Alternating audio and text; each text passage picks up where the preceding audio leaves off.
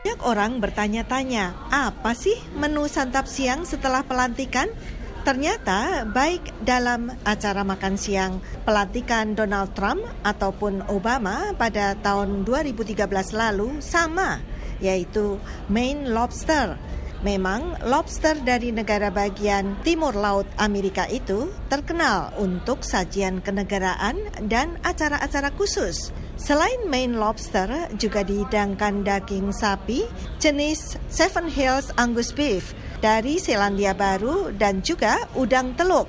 Sedangkan untuk pencuci mulut disajikan coklat souffle dan es krim vanila spesial. Tradisi makan siang ini diselenggarakan sejak tahun 1953 oleh Joint Congressional Committee atau Komite Kongresional Gabungan. Namun kabarnya menu itu lebih condong dari California, bukan dari negara bagian asal Donald Trump, New York. Puspita Sariwati melaporkan untuk VOA Washington.